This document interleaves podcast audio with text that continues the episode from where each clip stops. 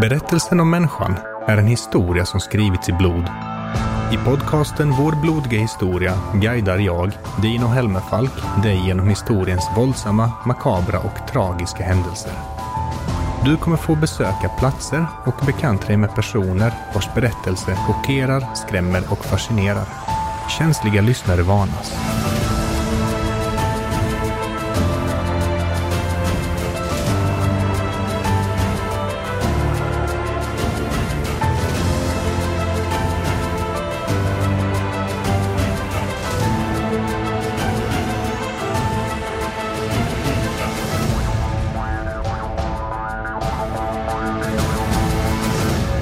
Kära lyssnare, välkomna till det andra och sista avsnittet om Josef Mengele. En man som gått till historien som en av de mest onda genom tiderna. Om du missade det förra avsnittet så rekommenderar jag att du lyssnar på det först innan du tar del av detta avsnitt. I det föregående avsnittet pratade jag om Josef Mengeles tidiga år, studietid och tjänstgöring i Auschwitz. Om du tycker om denna podcast så uppskattar jag om du går in på Podcaster eller Facebook och lämnar ett omdöme. Detta hjälper podden att spridas till fler. Men utan att uppehålla dig med mitt tiggeri beger vi oss tillbaka till 1944. Josef Mengele har evakuerats från Auschwitz då den sovjetiska röda armén närmar sig.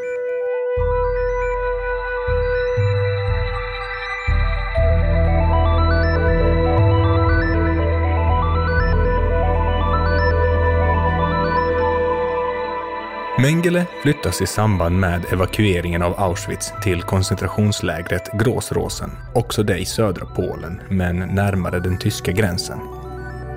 Där blir han kvar i cirka en månad.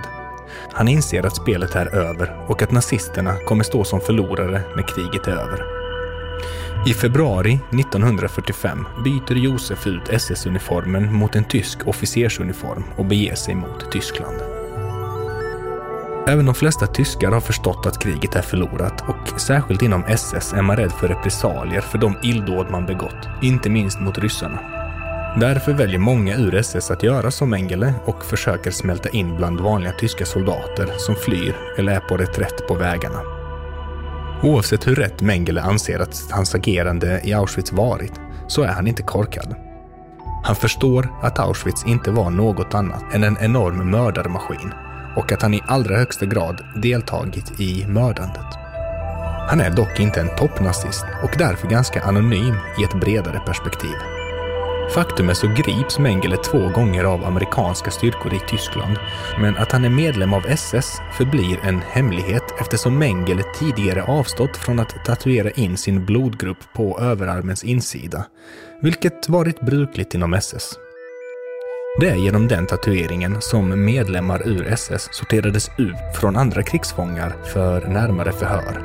Men Mengele lyckas alltså slinka undan men fångas till sist in och placeras i ett amerikanskt läger tillsammans med andra fångar ur den tyska armén. I kaoset som uppstår efter Tysklands kapitulation lyckas Mengele passera under radarn även under fångenskapen och lämnade amerikanska lägret för krigsfångar i juli 1945. Han får dessutom tag på identitetshandlingar som tillhör en annan läkare som han lär känna under fångenskapen. Han manipulerar handlingarna något och tar identiteten Fritz Holman. Under några år arbetar han som gårdskar i staden Rosenheim i Bavarien. Josef Mengele finner dock inte ro. Paranoian gnager och han är övertygad om att han kommer gripas, ställas inför rätta och avrättas. För myndigheterna är uppgiften med att jaga rätt på krigsförbrytare ett trögt företag. De allierades zon av det nu delade Tyskland är enorm och resurserna som avsätts till jakten på förbrytare är små. Men trots det så grips den ena efter den andra krigsförbrytaren och ställs inför rätta. Vid en rättegång där andra läkare i nazisternas tjänst ställs inför domstol så nämns också Josef Mengeles namn. Flera av de dömda läkarna avrättas för samma brott som Mengele själv deltagit i. Detta når Mengele, som tar kontakt med de underjordiska nazistnätverk som hjälper krigsförbrytare att fly. 1949 får han tag på ett nytt pass genom Röda Korset. Fritz Holman blir Helmut Gregor.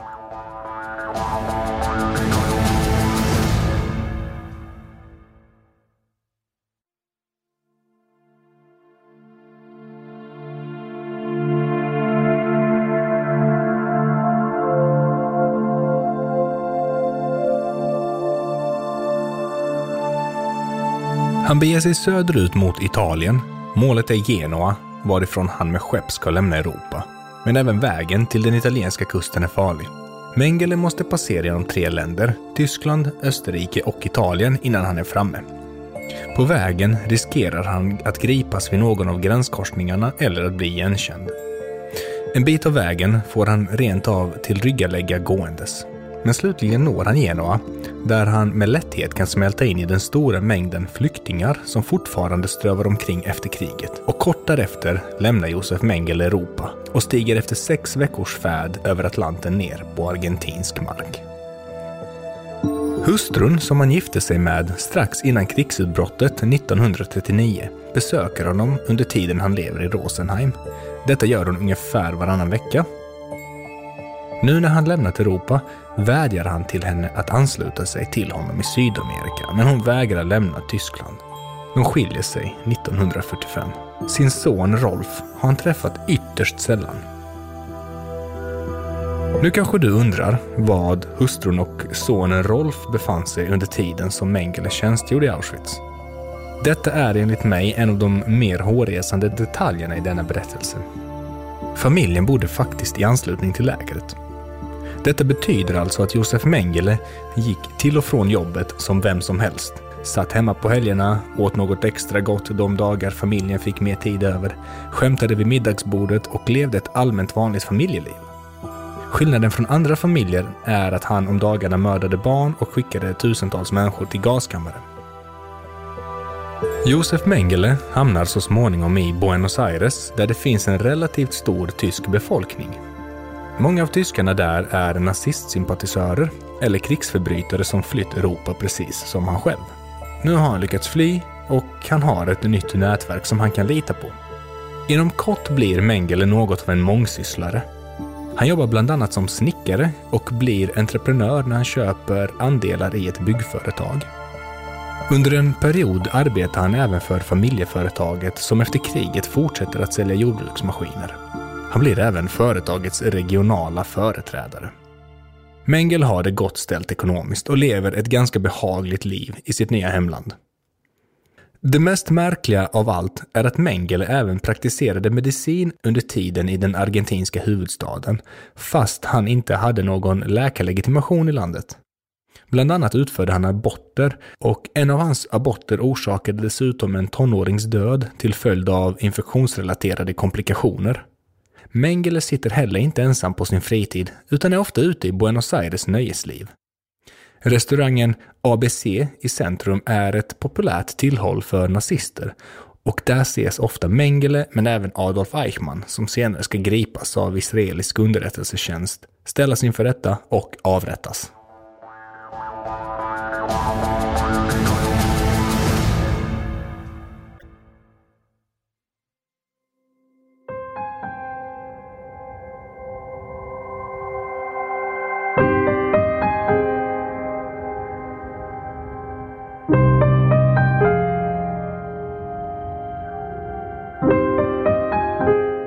Några år senare, 1949, avlider Josef Mengeles bror Karl Mengele efter en hjärtinfarkt.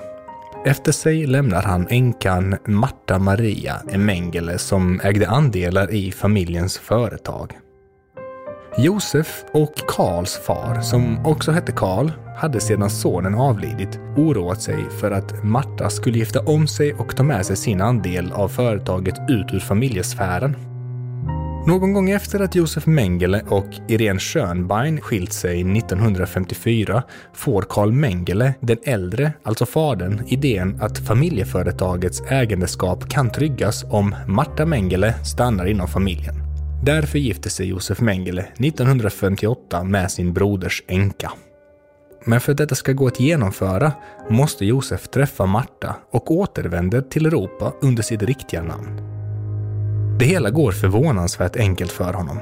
1956 promenerar han in i den västtyska ambassaden i Buenos Aires och berättar, helt sonika, att han kommit hit under namnet Helmut Gregor, men att hans riktiga namn är Josef Mengele och att han behöver ett nytt pass med den rätta identiteten.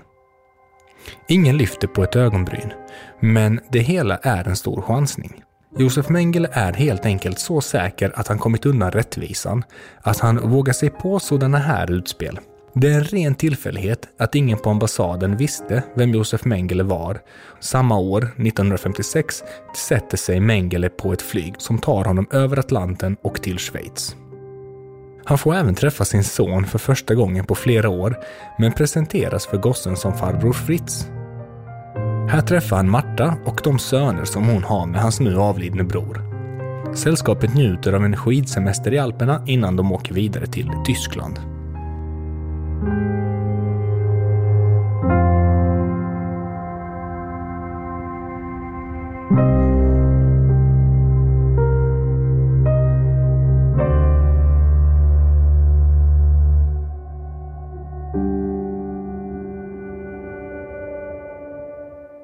Efter vistelsen i Schweiz och Tyskland återvänder Josef Mengele till Argentina, men väljer nu att leva under sitt riktiga namn. Inom kort ansluter sig även Marta och hennes ena son. De blir båda sambo och två år senare är de alltså ett makapar.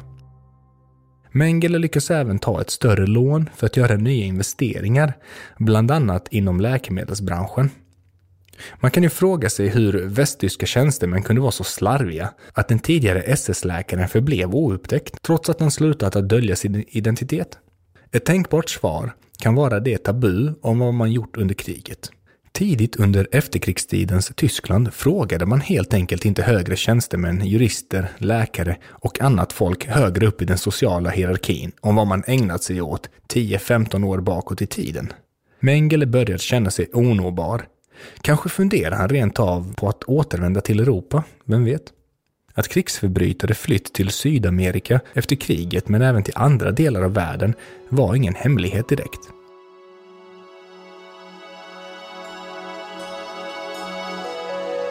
En rad så kallade nazistjägare la enorma resurser på att dessa brottslingar skulle fångas in och ställas inför rätta. Hermann Langbein en österrikisk historiker som överlevt Auschwitz lyckades samla stora mängder material om Josef Mengeles förehavanden under kriget.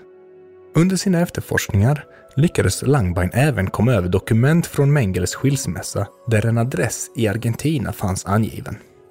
Västtyska myndigheter kopplades in 1959 och snart väcktes ett åtal mot läkaren. Nyheten nådde honom snart på andra sidan Atlanten men innan den argentinska staten hunnit gå med på att lämna ut Mengele till Västtyskland hade han redan packat sina väskor och flytt till diktaturen Paraguay.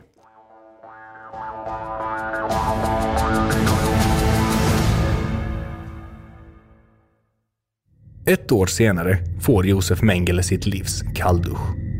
Nyheten når honom om att hans landsman och SS-kamrat Adolf Eichmann kidnappats av israeliska agenter mitt på öppna gatan utanför sin bostad i Buenos Aires. Det är när denna nyhet når Mengele som han inser att han inte alls är så onåbar som han tror. Mengele gör bedömningen att han inte kan stanna i Paraguay och få kontakt med en tidigare medlem ur Hitlerjugend som också flytt Tyskland men till Brasilien. Den brinnande nazisten Wolfgang Gerhard. Namnet är kanske bekant nu. Han hjälper Mengele att ta sig över den brasilianska gränsen 1960 och vidare till Sao Paulo. Där förser han läkaren med husrum på sin gård i väntan på ett bättre boendealternativ. Alternativet visar sig vara de båda ungrarna Gesa och Gitta Stremmer som med hjälp av Mengeles pengar köper en gård som de tre driver tillsammans. Inledningsvis vet makarna inte vem de ingått förbund med för Wolfgang Gerhard presenterar sin skyddsling som Peter Hochbichler. 1963 kommer nästa bakslag. Makarna Stremer får reda på Josef Mengeles riktiga identitet. De har sett en artikel om nazister i en tidning och i artikeln fanns ett foto på en ung och leende Josef Mengele. När han konfronteras med fotot erkänner han sin identitet för makarna. Han lyckas dock få dem att inte avslöja honom för några myndigheter med hot om att de trots allt skyddat en brottsling. Men han blir ändå mer paranoid. Samtidigt börjar den israeliska underrättelsetjänsten dra åt snaran kring Mengele. Genom ett spår har de pejlat in sig på Wolfgang Gerhard som nu övervakas och agenter skickas till Brasilien för att spionera på Mengeles kontakt. Man anlitar även lokalbor för att samla in underrättelser och tack vare omfattande spaningsverksamhet lyckas agenterna 1962 slutligen lokalisera en man som de tror är Mengele. Men då händer det som inte får hända. På högre ort inom den israeliska underrättelsetjänsten Mossad beslutas att jakten på Mengele för tillfället ska avbrytas. Israel befinner sig i diplomatiska svårigheter på hemmaplan, budgeten håller inte och de logistiska förutsättningarna för att gripa och föra Mengele till Israel är inte optimala. Några år senare, 1969, beslutar sig makarna Stremer och Mengele för att återigen flytta och köper ett nytt hus. Vid detta laget har Mengele förändrats. Från att ha varit en självsäker och handlingskraftig affärsman och läkare är han nu snarare en åldrande man vars nerver tagit stryk från år av oro. Relationen med makarna Stremer försämras kraftigt. Under perioder talar de inte ens med varandra. Han är också lättretlig och hamnar ofta i konflikter med sin omgivning. Det hela blir för mycket och under 1974 spricker relationen. Mengele och makarna går olika vägar och Josef flyttar till ett fattigt område i Sao Paulo men genom Wolfgang Gerhard träffar Mengele en ny familj, familjen Bossert, som han börjar umgås mycket med. Och detta kommer han göra under återstående tiden av sitt liv, allt eftersom hans hälsa gradvis försämras. Gerhard lämnar själv Sydamerika och återvänder till Europa, men lämnar kvar sina ID-handlingar till Mengele som nu byter identitet igen. Han blir nu Wolfgang Gerhard istället.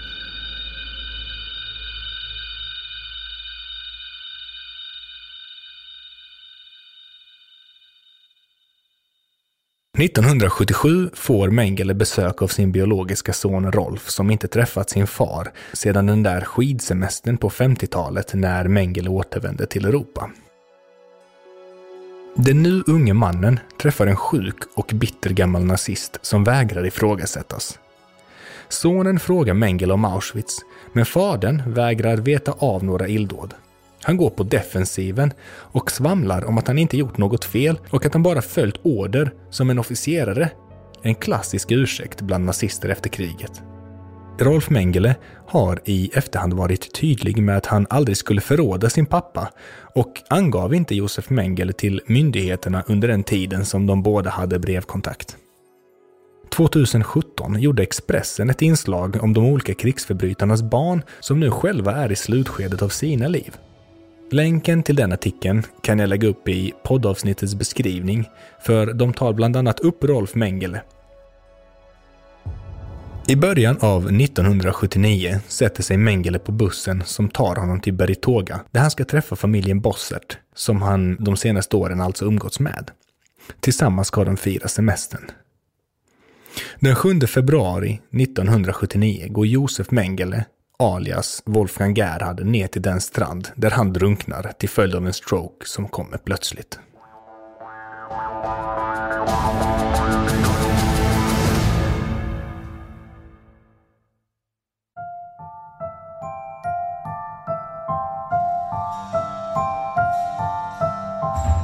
Josef Mengele begravs i en diskret grav i den brasilianska kommunen Embu das Artes under namnet Wolfgang Gerhard praktiskt nog alldeles intill den riktiga Wolfgang Gerhards mamma. Simon Wiesenthal, världens kanske mest berömda nazistjägare, trodde länge att Josef Mengele var i livet. Rapporter om att han skymtats dök upp med jämna mellanrum från en rad olika länder såsom Grekland, Egypten och Paraguay. Frågan om var Josef Mengele höll till började under det tidiga 80-talet också bli föremål för allmänhetens intresse. Bland annat utlystes stora summor pengar i belöning för information som ledde till hans gripande.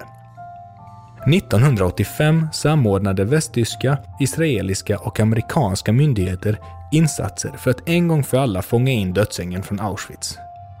Underrättelsetjänsten i Tyskland lyckades snart komma över handlingar, bland annat brev kopplade till Mengele efter kriget. I ett av breven, som hade skickats från Wolfram Bossert, framgår att Mengele avlidit. Myndigheterna i Brasilien underrättades och snart tog polisen i Sao Paulo in familjen Bossert på förhör där de till slut avslöjade var Mengeles grav fanns. Den 6 juni 1985 grävdes hans kvarlevor upp för att skelettets identitet säkert skulle kunna bekräftas. Omfattande undersökningar fastslog att det med största säkerhet rörde sig om rätt man och 1992 bekräftade den då nya DNA-tekniken att skelettet med största säkerhet tillhörde Josef Mengele. Familjen Mengele ville dock inte ha något med sin ondskefulla son att göra och vägrade ta hem hans kvarlevor för en begravning i Tyskland. Utan att någon gjorde anspråk på skelettet placerades det på universitetet i Sao Paulos medicinska fakultet, där det finns än idag och används i utbildningssyfte.